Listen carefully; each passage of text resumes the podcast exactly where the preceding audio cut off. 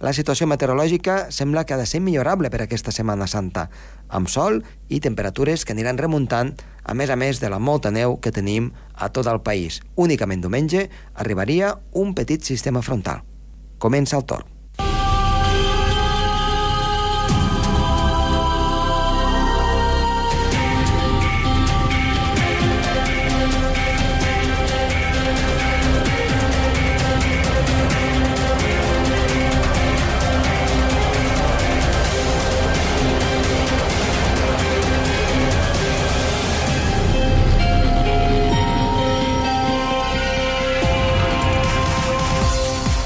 Hola, com va? Molt bona tarda, moltes gràcies per escoltar-nos una vegada més. Estem a les portes de la Setmana Santa i han sentit doncs, que la situació ha de ser immillorable.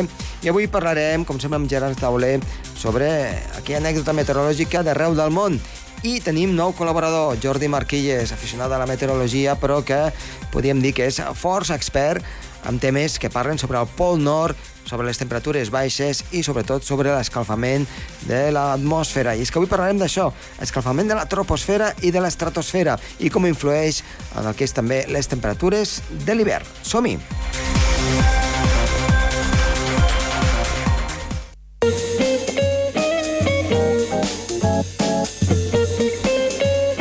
Doncs comencem la secció d'anècdotes meteorològiques i de clima d'arreu del món amb Gerard Tauler. Molt bona tarda, Gerard. Molt bona tarda, Josep Tomàs. Avui ens portes temperatures extremes del món, però en aquest cas temperatures elevades. Sí. On anem? On anem, primerament? La temperatura més alta del món, l'oficial, perquè abans era de la Sícia, que era de 57,8 graus, allà a Líbia, Mm. és el Vall de la Mort, a Califòrnia, Estats Units, en 56,7 graus, 56,7 graus. El 10 de juliol de 1913. Uh -huh. A la sauna se fa més calor, eh? Quan vas a una Eh? sauna, quan vas a una sauna fa més calor, però només pots aguantar 10 minuts. Aquí no ho sé, eh? Quant temps podríem aguantar amb, amb pràcticament eh, 57, dius? Eh, 57, coma? Eh, Eh, pràcticament 60, eh? Això, eh, amb, això sí, suposo que amb humitats molt baixes. sí, amb humitat de l'1%, 2%, eh. Clar, perquè si no seria inaguantable, això. La temperatura més baixa, l'humitat, sí. Escolta'm, i que sigui la temperatura alta i la humitat baixa, això té relació? Sí, perquè evidentment que com més alta la temperatura això provoca una evaporació d'humitat. Uh -huh. Bueno, i ara cap on anem? És a Mèxic, Sant Luis Río, Río Colorado, Sant Luis Río Colorado, a Sonora, el, de, el desert de Sonora, el 6 de juliol de 1966 es va arribar a 52 i mig. Bueno, també déu nhi eh? Sí, sí. I el Canadà, que en teoria sempre pensem que és un lloc força fred, s'ha arribat a 45 graus. 45 graus, per això on? A Migale, Uh -huh. Sask- Saskatchewan. Uh -huh. Per tant, al, al centre-sud, no? Una mica seria... De, de, de, de l'estat, sí. Uh -huh. I escolta, 1937. Sí. a, aquestes altes temperatures en zones de muntanya, a què, a què són degudes? Segurament efecte Fogen, que el vent de, de, de, de Garbí a Ponent, allà que s'anomena Xinoc, arriba molt, molt rescalfat. Uh -huh. Per tant, és quan el, el vent que tenim aquí, eh, també el Pirineu de nord, que no és nord pur, sinó que ve una mica més eh, de la zona de l'Atlàntic i no fa massa fred, quan traspassa la serralada, doncs que fa pujar molt la temperatura. En tenim un cas doncs, molt evident, cap a Sant Julià de Lòria, també um, aquí ben al costat, a, a Sort, per exemple, no? On, on, on, on el Sí, fogony allà fa... molt les temperatures en vent del nord. És Eh. eh. el vent de port. Exacte, exacte, van pujar molt les temperatures. Aquest cas també es dona doncs, a, a, a, la zona, a la zona del Canadà. Tenim alguna altra dada així? Doncs, A eh, Amèrica del Sud, sí? la, la màxima més alta és de 49,1 a Villa de Maria, província de Còrdoba. Uh -huh. El 2 de gener de 1920, com pots veure, eh, es dona el gener, que allà, com és l'hemisferi sud, Ahà. és Saps que em sorprèn molt aquesta temperatura? Perquè estic pensant en, en, en, en tot el desert, no?, que d'Atacama, eh, etc i mm, pensava que, doncs, que les temperatures... És un desert fred, allà. No, no, no, no surt... Les, dades de, de, de Xile no, no són tan càlides. Uh Mhm. -huh. La màxima més alta de Xile és de 43 en 3, però és un desert fred, està banyat per, pel corrent fred de Humboldt que seca l'ambient i no, no provoca unes temperatures tan i tan altes. Per tant, és, és, un, és un desert sec, evidentment, amb, amb, amb aquesta humitat que arriba de, de, de les costes eh, doncs, eh, del Pacífic i que deixen doncs, aquestes boires o boirines arran de costa, Sí. però, però temperatures elevades mm, es queden així justet, justet, no? Justet, justet. I a Brasil, que tot i que sembla que hagi de fer molta calor per la seva sí, cau, la màxima absoluta no passa de 44,7, que és més baixa que la d'Espanya, que és de 47 a murs. Mm -hmm. I a la península... Sí, ara que... par- No, és com Jesús, 44 amb 7. Mm -hmm. I pa- parlant de la península ibèrica, la temperatura doncs, eh, que s'ha arribat, extrema, I a, a, a Múrcia s'ha arribat a 47. Després hi ha una dada que no sé si es pot considerar gaire oficial, eh, que va sortir un llibre el 18 de juliol del 78 a, a un lloc d'Almeria de 50 graus. mm -hmm. El que, que, capitals de província, aquests 47 segur són ben certs. Van ser no fa massa, va ser l'any 94. Mm. 94. Uh, no sé si va ser el 2003, no?, quan va haver aquí una de calor tan, tan, tan brutal. Sí, aquí a Girona es va arribar a 42 i mig, a a Lleida també 42, sí, sí. Màximes altes. A, a, a Catalunya el rècord en cerques de l'any 1923, 45 graus a, a Flix. Uh -huh. Per tant, eh, aquestes temperatures no s'hi arriba cada any, però 40 graus, 42... Eh, Eh, Si s'ha arribat a 47, sí, a València s'ha arribat també a 47, mm. a conferència. és que havia sentit temperatures cap a zona de- d'Extremadura a Sevilla, eh, tot el que és la, la zona occidental... de 40 cinc- graus, però no, no, no, és, no és oficial perquè era amb una gàbia que no, no era gaire... Clar, de 50 graus o una cosa així, no?, que es va dir tots els medis. I, i fins i tot alguna...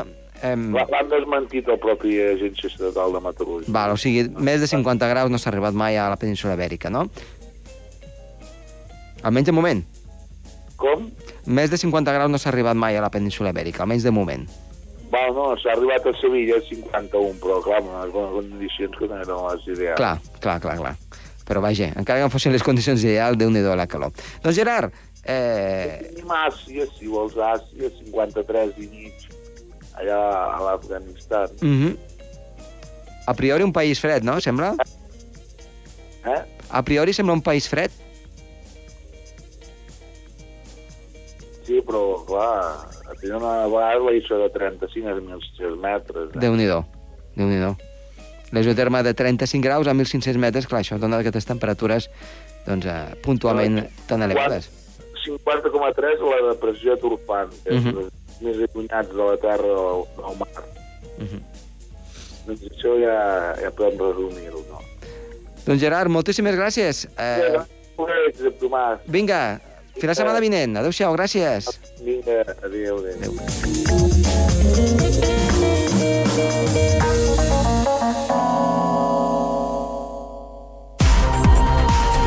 El torn, amb Josep Tomàs.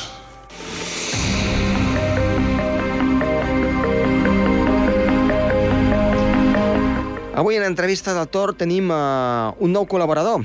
Es diu Jordi Marquilles, ja havia estat amb nosaltres ara fa uns anys, explicant-nos coses, doncs, sobretot de, dels climes freds del planeta, però afortunadament doncs, l'hem recuperat i estarà amb nosaltres cada 15 dies aproximadament per explicar-nos doncs, algun que altre tema. Qui és en Jordi Marquilles? Doncs, de fet, ell mateix eh, es defineix com un aficionat eh, a la meteo, al clima i sobretot doncs, eh, una mica un filòsof de, del que és la, la meteorologia i la climatologia, que prou falta ens fa. Jordi, molt bona tarda. Ei, hola, què tal? Com va, Josep? Molt bé, molt bé. Moltes gràcies per tornar a estar aquí amb nosaltres. Eh, T'hem recuperat i això sempre és una alegria. I, I bé, doncs en aquesta primera intervenció eh, ens agradaria que ens expliquessis una miqueta doncs, què estàs fent ara mateix des del punt de vista meteorològic i climàtic i que doncs, ens expliquessis algun altre tema doncs, que tingui a veure una mica amb el temps que estem tenint doncs, eh, aquests, aquests darrers mesos. Doncs res, mira, jo ja saps que això sempre m'ha agradat, això de, la, de, la, de mirar al cel, i, i és el que he fet últimament, i des de fa ja bastants anys, eh, per no dir molts, i sempre mirant al cel, mirant el clima, com es mou per aquí, per allà, per tot el món. Sempre, sempre m'ha agradat veure aquest púdol atmosfèric com es mou i que, que, que, que, que comporta no? a, a cada racó del planeta i, Sí. bueno, i a veure, a veure què anem seguint. Molt bé. Um, tu m'has enviat un missatge, eh? em vas enviar un Mm. missatge per una mica doncs, eh, preparar la temàtica d'avui i em parlaves de, doncs, de l'oscil·lació àrtica, eh, Mhm. que ara explicarem una mica de què és, i sobretot de la eh, bilocació i propagació de l'escalfament. Um, A què et refereixes? Sí, això sona molt tècnic. I, Molt, molt tècnic, eh? I llavors, I, clar... I, i ho és, eh? I jo no, no, no, no, tampoc sóc un tio capacitat eh? de, de, a nivell tècnic i aquí hi ha gent que es ficarà algun, algun especialista en física i tal, es ficarà les mans al cap, però bueno. Però de, jo... de, de vegades, eh, Jordi, um, les coses complicades, si s'expliquen fàcilment, s'entenen millor. No Sí. cal entrar amb molta profunditat, però sí, No. doncs, fer una pinzellada, no? No, perquè llavors sí que ens hi perdem de veritat. No, a veure, jo, jo sempre he, he recollit a la meva manera, eh, jo he anat llegint, he anat observant, i, bueno, i, segur, i em faré la meva pel·lícula aproximada, però ja et dic, a nivell, a, a la, a punt, segons el punt de vista d'un físic, eh, em dir, bueno, dirà que, bueno, que hi ha molta cosa a precisar. Uh Mhm. -huh. jo, jo, jo més o menys et diré lo, lo, tal com ho veig, i lo, em feia, feia referència a l'oscil·lació àrtica, no? Sí. Doncs així, així per sobre tu talla'm, eh? Sí, perquè això, això m'en- m'enrotllaria molt i tu talla'm quan et convingui. Molt bé. L'oscil·lació àrtica no deixa de ser, per mi, és un patró, bueno, un tipus, una teleconnexió que diuen en l'argot climàtic. És un, és un, un, un enfoc a l'atmosfera àrtica, no? I l'atmosfera àrtica, a l'hivern, condiciona els hiverns de les latituds meridianes, és a dir, d'on vivim la gent, no? de, de, des de Japó a, a tota Europa, a Estats Units. I això condiciona molt com és l'hivern. A nivell de fred, a nivell de borrasques, és, és un patró àrtic. I, i aquest patró àrtic, àrtic em, em, com, com, com, com l'observem? Pues l'observem amb si es formen anticiclons a l'Àrtic o, o no es formen anticiclons. Mhm. I això con eh, condiciona molt, diria jo, tal com ho veig jo, els hiverns amb, bueno, als, a les nostres zones. Per tant, a Sí, latituds més meridianes, no? Mitjanes, Sí, sí, sí, les que sí. estem.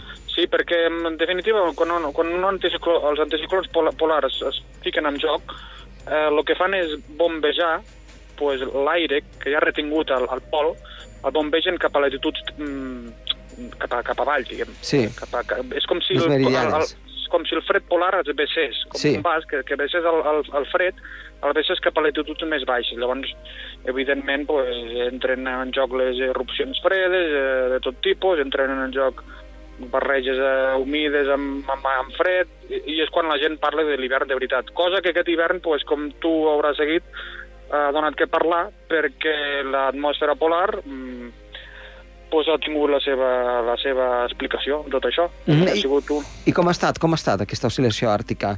Pues Um, L'oscil·lació àrtica que, que, té, que té un comportament molt lligat a lo que és l'estratosfera polar. Mm. La, és a dir, la, la, a, la, a la zona polar la, hi ha atmosfera, com, com a tot el planeta, però què li passa a l'atmosfera polar? L'atmosfera polar es refreda molt la part alta, l'estratosfera, a l'hivern, per, per, perquè entrem a l'època en què no hi ha llum, que no hi ha sol, doncs aquella atmosfera es refreda molt, molt, molt, no?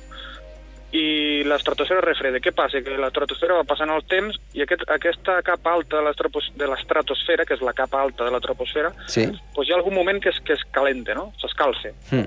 Eh, això és el que molts climato... bueno, molts meteoròlegs seguim cada hivern, és a dir, com es comporta això, perquè sabem del director d'orquestra que és el, la, la, la, l'atmosfera polar. I de tant en tant hi ha algun escalfament que, que se'n diu bueno, sudden, stra, uh, sudden strat warming, que és un escalfament repentí de, Sí. de, de, la, de, la, de l'estratosfera, Uh -huh. que aquest calentament el que fa és, a vegades, es propaga cap a, cap a la part baixa de la troposfera, no, no, no, no és una cosa molt precisa ni matemàtica, Per tant, va, de, de l'estratosfera, que està, perquè us- ho entenguin els nostres oients, eh? l'estratosfera està damunt de la troposfera, la troposfera és on hi ha tots els fenòmens meteorològics, l'estratosfera està per damunt, està molt Sí. freda i de cop i volta s'escalfa. I aquest Sí. escalfament se'n va cap a baix, cap a la troposfera. No sempre, és, és una, són escalfaments que la, la, la cosa és a dir, per què, per què es donen aquests escalfaments? Sí. eh, i, i, i com es, i es propaguen cap avall o, no, o, cap, o, o queden avortats. Mhm. eh, això és un tema ja bastant complex i no sé, i, i evidentment és, cada, cada cas és una pel·lícula. Però el que sí que és cert és que molts meteoròlegs esperem aquí, o, o es mira molt l'estratosfera, perquè sabem de la importància que té un, un, un escalfament sobtat i, i fort, uh -huh. perquè com més fort és, pues, hi ha més possibilitats que aquest calentament mm, baixi a nivell de l'atmosfera la, de més terrenal, la troposfera, uh -huh. i acabi provocant els anticiclons que estem dient. Vale? I quan es formen anticiclons, que també tenen el seu moviment i es poden centrar més cap aquí o més cap allà, tot amb latituds àrtiques. Quan es formen aquests anticiclons és garantia bastant de que l'hivern donarà que parlar on viu la gent, perquè a veure, el cercle polar fa molt fred, però bueno, tampoc és que vull dir, la gent no ho nota, no? Uh -huh. I quan es donen els anticiclons polars és quan realment l'hivern truca a la porta, es fa present i és notícia. Què ha passat aquest hivern? Que l'escalfament aquest mm, no s'ha donat. S'ha donat ara, a finals. A finals d'hivern, ara s'ha donat, ara al març, ara als Estats Units també tenen, tindran fred més o menys maco, però que passa que ja és molt tard perquè és primavera, i val a dir també que aquests escalfaments eh, a mida que abans que s'acaba l'hivern i comença la primavera ja són més lògics. És a dir, l'atmosfera pues, té una maduració, l'atmosfera polar, i evidentment ara de cara a la primavera l'estratosfera s'escalça i, a, i el que és el vòrtex polar, que és la paraula tècnica de tot sí. aquest tinglado, el vòrtex polar pues, es de, comença a ballar, es dilueix i, bueno, i fiquem fi a la temporada hivernal. Uh -huh. eh, el tema és que aquest escalfament a vegades el fa, el pot fer al gener, al febrer, o pot ser que no es dongui, o a vegades... Bueno, és molt, molt capritxós això, i, i els mecanismes de com funciona són molt, molt complexes, perquè, ja et dic, jo crec que aquest hivern ha sigut així atemperat i tal, tant als Estats Units com a Europa, sobretot a principis d'hivern va ser mm -hmm. molt càlid, si ho recordeu, I tant. però no, no només a Europa, sinó també als Estats Units, i en bona part és pel, pel comportament aquest de l'atmosfera polar que hi ha molts factors, evidentment, que hi ha factors concatenats, i tant, hi ha molts factors, des de la, de, des de la influència del, de l'astre sol fins al fenomen, clar, que aquest també l'esmentarem i en parlarem un altre dia, del superniño que hi ha hagut aquest any, que, uh -huh. bueno, és una combinació més que potser fa que, bueno, que l'atmosfera, que, el, que l'oscil·lació àrtica hagi sigut la que ha sigut aquest any i que el vòrtex polar no s'ha escalfat com, com alguns esperàvem, i com, però, bueno, però bueno, això va com va, ja et dic que cada hivern és una pel·lícula, en mm -hmm. aquest sentit. Molt bé, doncs així eh, hem d'estar pendents, eh, especialment a l'hivern, d'aquests escalfaments de l'estratosfera, i quan, quan es donin, doncs, estar una mica alerta. Sí, eh, de, sí. mo de moment ara, doncs, eh, la cosa doncs, ja, ja va menys, i, i bé, jo el que et puc dir és que aquí a Andorra eh, no ha fet gra grans freds, tres o quatre mm -hmm. dies puntuals, però sí que ha nevat a moments claus, econòmicament Ja. parlant, eh? Ja, sí, no, sí. no, no meteorològicament parlant, sinó Sí, sí. ha nevat just abans de, de, de just del pont de la, de la Puríssima, ha nevat Sí. doncs, després de Nadal, ha nevat Sí. doncs, a mitjans de gener o principis de febrer, que ha la Setmana Blanca, i ara, doncs, últimament, doncs, que te- estem doncs, a les portes de Setmana Santa, eh, també ha, ha tornat a nevar, i per tant, sense ser una gran temporada en quant a gruixos de neu, que n'hi ha, eh? N'hi ha, però sí que ha sabut nevar. Ha sigut casualitat, eh? Però sí, Sí, que és no, cert, no, a veure, sí que és cert que no hi ha hagut massa, massa, massa fred, la veritat. no, és és cert, Josep, que a veure, a veure, perquè a vegades es dongui alguna situació inestable o a vegades, a vegades no cal grans freds i, i menys a muntanya, vull dir, a veure, la meteorologia és molt rica i, uh -huh. i clar, jo et parlo de, de, de, de coses majúscules. De, A nivell de- global. de- Sí, sí, de, de, de, de, clar, a nivell global. Són patrons globals que, con, bueno, directors d'orquestra, però clar, a nivell de, de, de, de meteorologia local i, i a cada raconet del món pues, té les seves coses i, bueno, i per sort pues, ha nevat una mica i ha fet una mica de fred i, bueno, I amb això ja... al principi d'hivern, al principi d'hivern semblava molt... Eh, pintava, però... Bueno, no sé si te'n recordes, però tant desembre com gener... I, i de fet, tot l'hivern ha sigut una anomalia, anom, Anomalia, no? Anomalia positiva Sí, sí. eh, bastant destacable. Però jo crec que, bueno, això és, és des de la meva ignorància total, jo crec que el Niño aquest any ha, ha, ha, tingut molt... Molt a veure. Sí, sí, sí, sí. Doncs Jordi, moltíssimes gràcies i t'esperem d'aquí un parell de setmanes perquè ens portis un nou tema. Gràcies i fins la Doncs, propera. Molt bé, Josep, vinga, vagi bé. Adéu-siau. Adéu, adéu.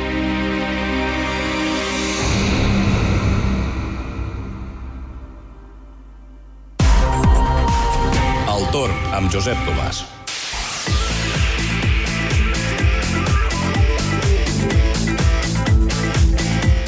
Doncs bé, anem a veure quin temps ens espera per aquests dies a l'alta muntanya, aquesta Setmana Santa. La situació meteorològica aquí al Principat vindrà marcada per la doncs més o menys tranquil·litat. Eh, tindrem una miqueta de tot, però més sol que no pas nuvolositat i precipitacions. Divendres arriba un front, un front des de la cara nord del Pirineu, des de França, que serà actiu a la zona dels Alps, i aquí al Pirineu, cara nord sí que s'aniran nuvolant. Uns núvols que seran al llarg divendres més compactes a mesura que avanci el dia. A la cara nord pot caure fins i tot alguna feble nevadeta cap als 2.000 a 2.200 metres, però molt poca cosa, veritablement, i les temperatures similars o amb tendència a pujar lleugerament, especialment ja a la tarda vespre. I és que, de fet, aquestes temperatures s'enfilen dissabte, seran molt primaverals. Glaçarà justet, justet a l'alta muntanya i a la resta doncs, eh, podem tenir valors que pugen i devalem. Per exemple, a 2.000 metres es podrà arribar a superar els 10 a 11 graus, això al llarg de dissabte, amb el sol com a protagonista i vents fluixos de component nord. Per tant, una bona jornada per anar a la muntanya. Atenció, ara en parlarem del perill de llaus, perquè doncs, eh, ara en aquesta època de l'any, quan fa sol, poden haver-hi allaus tipus primavera, de neu humida, i per tant, doncs, s'afegeix un nou risc al que és eh, doncs, habitualment doncs, aquest, aquestes allaus que tenim, especialment de placa a l'alta muntanya. I diumenge? Diumenge s'acosta un front, un front que ja ens afectarà a partir del matí. Durant la matinada s'anirà tapant i al matí esperem precipitacions, que seran en general de caràcter dèbil. Aquest front s'ha anat desgastant a mesura doncs, que, que han avançat els dies i sembla doncs, que sí que el tindrem damunt diumenge, però amb poca intensitat. Algunes nevades, la cota baixarà fins als 1.200-1.300 metres, per tant, també descens de les temperatures i una jornada, doncs, la resta de diumenge, marcada per la variabilitat, variabilitat i també doncs, per aquestes temperatures més fresques i vents de component nord com a màxim moderats. Dilluns de Pasqua, la situació serà més tranquil·la, una mica variable en quant a nuvolositat i poques probabilitats de que hi hagi precipitacions. En definitiva, podríem dir doncs un 75-75% de situació meteorològica de tranquil·litat i anticiclònica, mentre que aquest altre 25-30% vindrà marcat per aquest canvi amb l'arribada d'aquest petit front al llarg de diumenge.